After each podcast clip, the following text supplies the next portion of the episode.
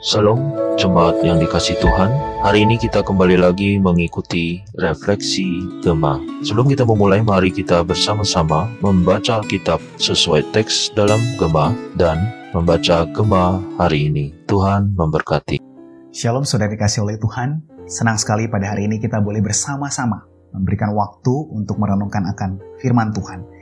Mari saya mengajak kita untuk bersama-sama terlebih dahulu sebelum membaca firman Tuhan, kita bersatu di dalam doa. Tuhan terima kasih karena Engkau adalah Allah yang setia, Allah yang senantiasa menyediakan akan firman-Mu untuk kami renungkan bersama dan untuk menjadi panduan di dalam kehidupan kami. Berikanlah kami hati, telinga, dan pikiran yang terbuka, sehingga hanya kebenaran yang dipimpin dalam kuasa roh kudus itu boleh masuk ke dalam diri kami dan kami renungkan, bahkan boleh kami lakukan untuk menjadi bekal kehidupan kami berjalan bersama dengan Tuhan. Terima kasih Bapak, di dalam nama Yesus Kristus kami berdoa. Amin. Saudara, salah memandang bisa menyebabkan seseorang salah bersikap. Seseorang yang salah mendengar bisa menyebabkan seseorang juga salah di dalam bersikap. Dalam satu ajang kecantikan di dunia pada tahun 2016 terjadi sebuah insiden di mana salah satu kontestan itu salah mendengar akan nama negara yang disebut untuk lolos ke tahap selanjutnya. Ia mengira nama negaranya yang dipanggil. Sehingga ya ia mulai melenggak-lenggo gitu ya berjalan dengan anggun, dengan cantik. Ia maju ke depan kemudian mengambil pose dengan penuh kebanggaan. Tentu saja pada saat itu orang-orang mulai merasa canggung karena mengetahui, hei bukan bukan nama negaramu yang dipanggil. Sehingga pada saat itu terjadilah apa yang namanya salah mendengar, salah memandang akan dirinya, menyebabkan seseorang salah pula dalam mengambil sikap. Saudara, Yeremia pasal ke-6 mencatat akan hal yang serupa pada bangsa Israel khususnya di Yerusalem dan Yehuda. Melalui refleksi Gema 6 September 2021 ini, kita akan bersama-sama mengupasnya dan merenungkan kaitannya dengan sebuah tema yang saya beri judul Pentingnya Menguji Diri. Pada bagian ini saya hanya akan membaca Yeremia pasal 6 ayat yang ke-13 sampai 15. Namun di dalam pembahasannya nanti saya akan mengutip beberapa ayat lainnya. Oleh karena itu sediakan pula Bapak Ibu dan Saudara sekalian waktu untuk membaca kisah lengkapnya di dalam Alkitab Saudara secara pribadi dan jangan lupa juga bisa membaca dari buku Gema di mana di sana ada latar belakang yang sangat menolong kita untuk mengetahui akan kisah di balik Yeremia 6 ini. Saya akan membaca Yeremia 6 ayat 13 sampai 15. Sesungguhnya dari yang kecil sampai yang besar di antara mereka semuanya mengejar untung. Baik nabi maupun imam, semuanya melakukan tipu. Mereka mengobati luka umatku dengan memandangnya ringan. Katanya, damai sejahtera, damai sejahtera. Tetapi tidak ada damai sejahtera. Seharusnya mereka merasa malu tetap sebab mereka melakukan kejijikan. Tetapi mereka sama sekali tidak merasa malu dan tidak kenal noda mereka. Sebab itu mereka akan rebah di antara orang-orang yang rebah. Mereka akan tersandung jatuh pada waktu aku menghukum mereka. Firman Tuhan. Saudara, dalam Yeremia 6 ayat yang kedua, di sana disebutkan bahwa orang Israel itu mengira bahwa dirinya itu seperti yang dahulu ia pernah dengar yaitu bagaimana ia dikenal sebagai Putri Sion ya yang diseumpamakan padang rumput yang paling disukai oleh para gembala sehingga mereka mendatanginya. Padahal orang-orang yang akan datang itu adalah datang untuk menyerang, untuk menghabisi dan merusak akan puri-purinya. Di dalam ayat 14, mereka mengira, memandang dirinya mereka hidup di dalam kerohaniannya baik-baik saja. Padahal hanya karena pada saat itu kondisinya sedang uh, dalam kedamaian di tengah-tengah bangsa, bukan berarti mereka sedang berada dalam kondisi yang baik-baik saja. Sebab realitanya di dalam ayat 15 tadi kita dengarkan bagaimana mereka itu melakukan kejijikan. Harusnya mereka malu. Tetapi mereka sama sekali tidak merasa malu. Bahkan dikatakan mereka tidak mengenali noda mereka, ya.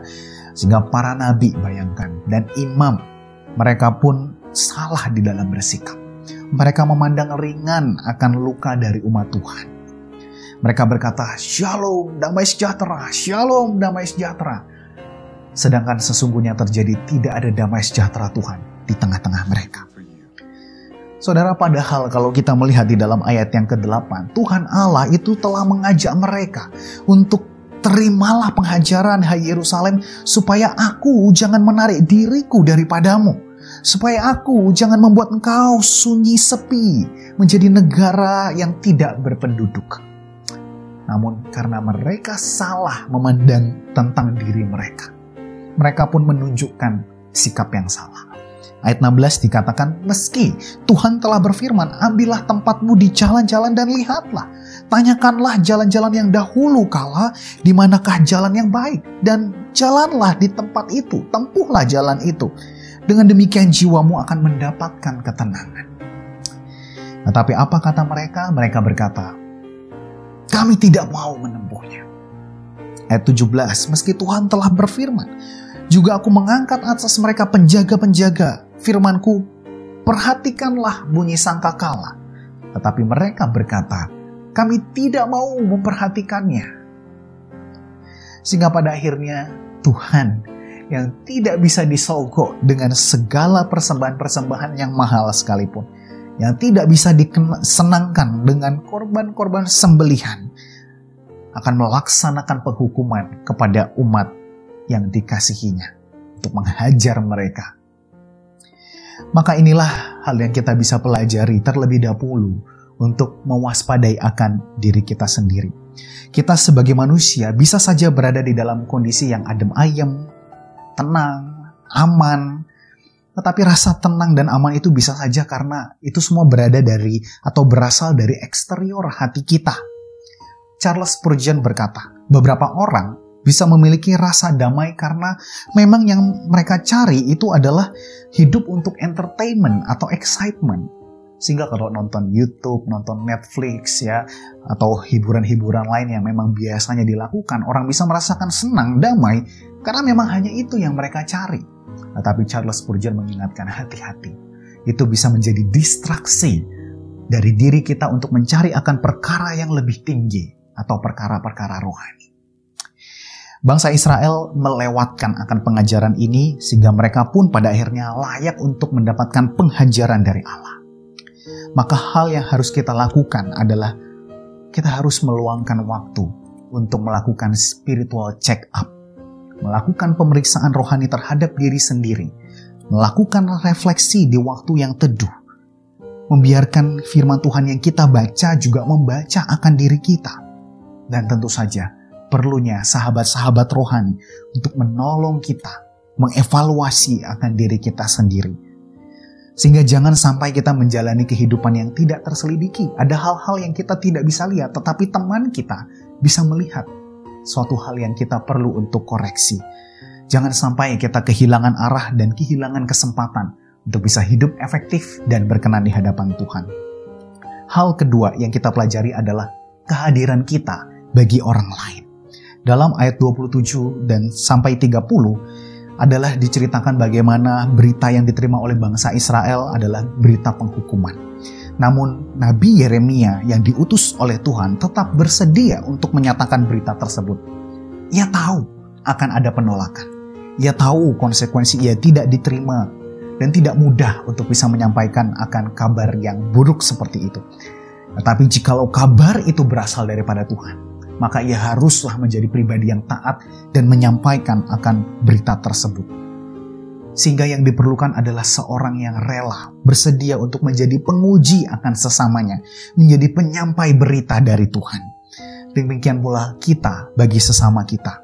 Menjadi sahabat rohani bagi mereka berarti kita perlu untuk menjadi penguji-penguji yang bertanya jauh lebih dalam lagi, tidak hanya kepada hal-hal yang berada di permukaan, kita perlu menguji akan kerohanian sesama kita. Pekerjaan yang lancar dan rumah tangga yang mungkin kelihatan baik-baik saja bukan jaminan seseorang berada di dalam kondisi kerohanian yang baik. Seperti catatan dalam penulis Gema, dia berkata, jika Nabi Yeremia diminta untuk menjadi saksi untuk menceritakan penyebab jatuhnya akan hukuman Tuhan atas bangsa yang tegar tengkuk, tugas kita pun adalah memberikan kesaksian tentang betapa besar belas kasihan dan kesabaran Tuhan yang dinyatakan melalui pengorbanan Kristus di atas kayu salib bagi umat manusia. Marilah kita bersama-sama dalam pimpinan Roh Kudus. Kita saling menjadi saksi dan penguji antar sesama orang percaya sehingga kita beroleh akan pandangan yang benar akan diri kita sendiri. Dan dengan demikian kita bersikap dengan benar, terutama keinginan kita untuk mendengar kebenaran yang Tuhan telah sediakan hari demi hari dan kita berproses menjadi murid Kristus yang setiawan. Amin. Mari kita berdoa. Tuhan bersyukur untuk firman-Mu. Tuhan kau mengingatkan kami kembali untuk memiliki kehidupan yang diselidiki oleh sesama anggota tubuh Kristus yang kami percaya melaluinya roh kudus bekerja. Bantu kami juga ya Tuhan untuk memiliki hati yang rela penuh dengan keberanian yang berasal daripada Roh Kudus, sehingga kami bisa menjadi rekan-rekan accountability bagi teman-teman kami, sehingga kami boleh berjalan di dalam kebenaran firman Tuhan dan di dalam perkenananmu yang indah itu. Terima kasih Tuhan, di dalam nama Yesus Kristus kami berdoa. Amin.